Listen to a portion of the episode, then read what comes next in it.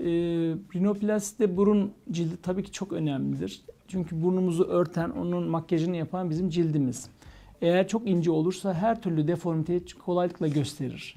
Kemiği törpülersiniz, minnacık bir kemik çıkıntısı ele gelebilir.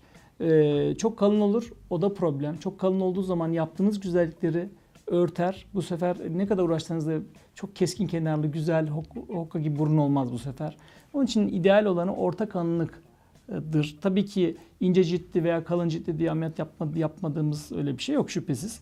Bizim yaptığımız ne? Çok ince ciltlilerde daha sonra ameliyatlardan sonra ele bir şey gelmesin, dışarıdan bir şey gözükmesin diye kendi kıkırdak yapılarını içeriden bunun içinden alıyoruz. Onları ufak ezerek şekil verip cildin hemen altına kamuflaj için yerleştiriyoruz ki daha sonra ele gelmesin veya dışarıdan görünür hale gelmesin. Tabii e, Mevlam birçok dert vermiş, derman da vermiş. Biz de onların dermanını hallediyoruz, çözüyoruz.